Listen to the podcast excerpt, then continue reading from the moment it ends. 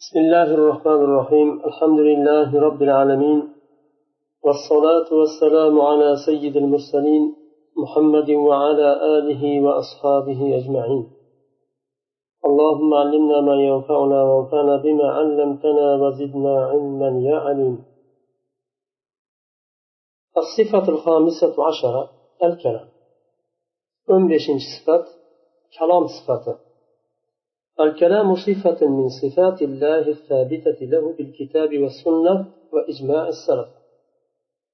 كلام الله تعالى كتاب وسنة وسلفلرning ijmosi bilan sobit bo'lgan sifatlardandir قال الله تعالى وكلم الله موسى تكليما.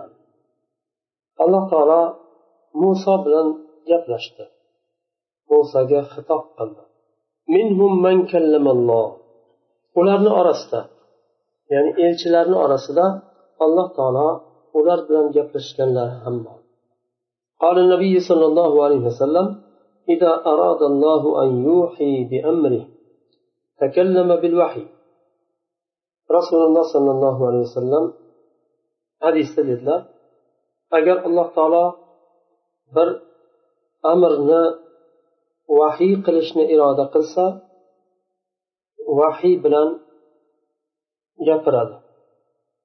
وأجمع السلف على ثبوت الكلام لله فيجب إثباته له من غير تحريف ولا تعطيل ولا تكييف ولا تمثيل وهو كلام حقيقي يليق بالله يتعلق بمشيئته بحروف وأصوات مسموعة سلف صالح إجماع قلشته ki kalom sifati alloh taoloda sobit bo'lgan sifatlardandir buni isbot qilishlik vojib bo'ladi tahrif taqil takyif tamsilsiz va bu alloh taologa loyiq bo'lgan haqiqiy kalom va bu kalom allohni mashiati bilan irodasi bilan taalluqli bo'lgan mutaalliq bo'lgan ya'ni irodasi bilan derkan istagan vaqtida gapiradi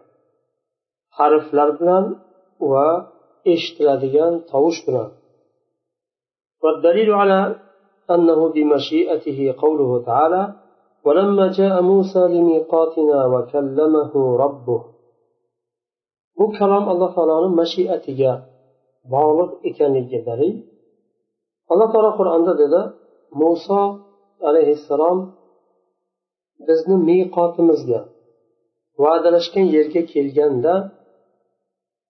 رب robbisi unga خطاب qildi فالتكليم حصل بعد مجيء موسى فدل على أنه متعلق بمشيئته تعالى موسى عليه السلام جاء الله تعالى خطاب قرش موسى عليه السلام كي ينن كيم حاصل بل ونرس دلالة فذلك الله تعالى mashiati bilan bog'liq ekaniga dalolat qiladi المخالفون لأهل السنة في كلام الله تعالى alloh taolodagi kalom sifatini sobit ekani xususida ahli sunnaga muxolif bo'lganlar خالف أهل السنة في كلام الله طوائف نذكر منهم طائفتين أهل السنة خلاف chiqishdi kalom sifatida bir nechta toifalar xilof chiqishdi ulardan ikkita toifasinigina biz zikr qilamiz الطائفة الأولى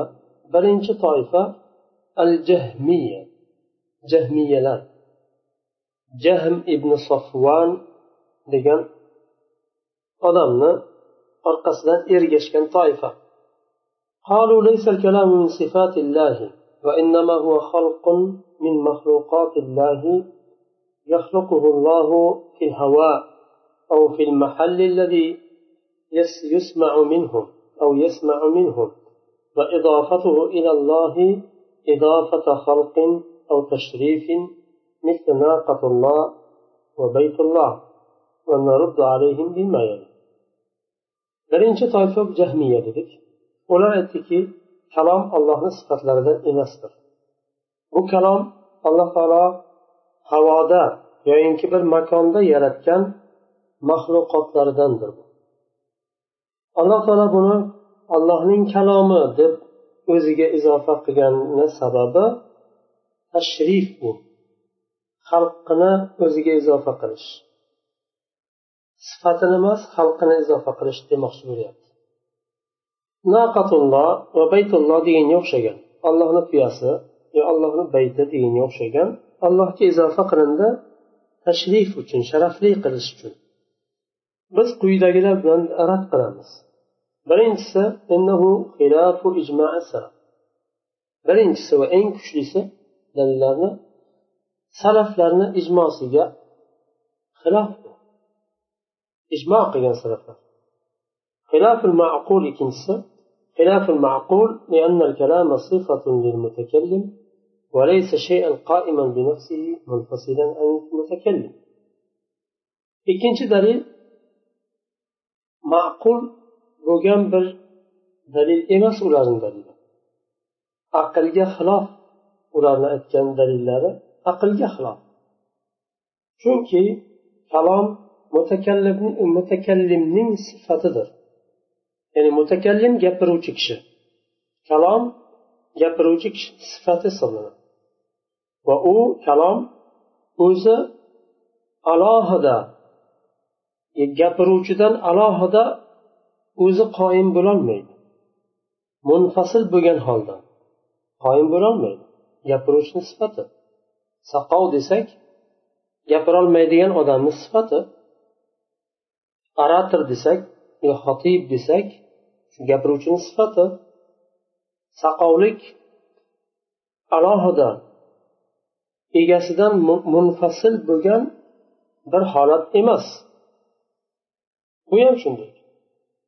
Uchinchisi inna musa sami samialloha e, samialloha yaqul. Innani ana alloh la ilaha illa ana fa'budni. Innani ana alloh la ilaha illa ana fa'budni. Alloh taolo musoga aytadi men ollohman va mendan boshqa iloh yo'q menga ibodat qiling.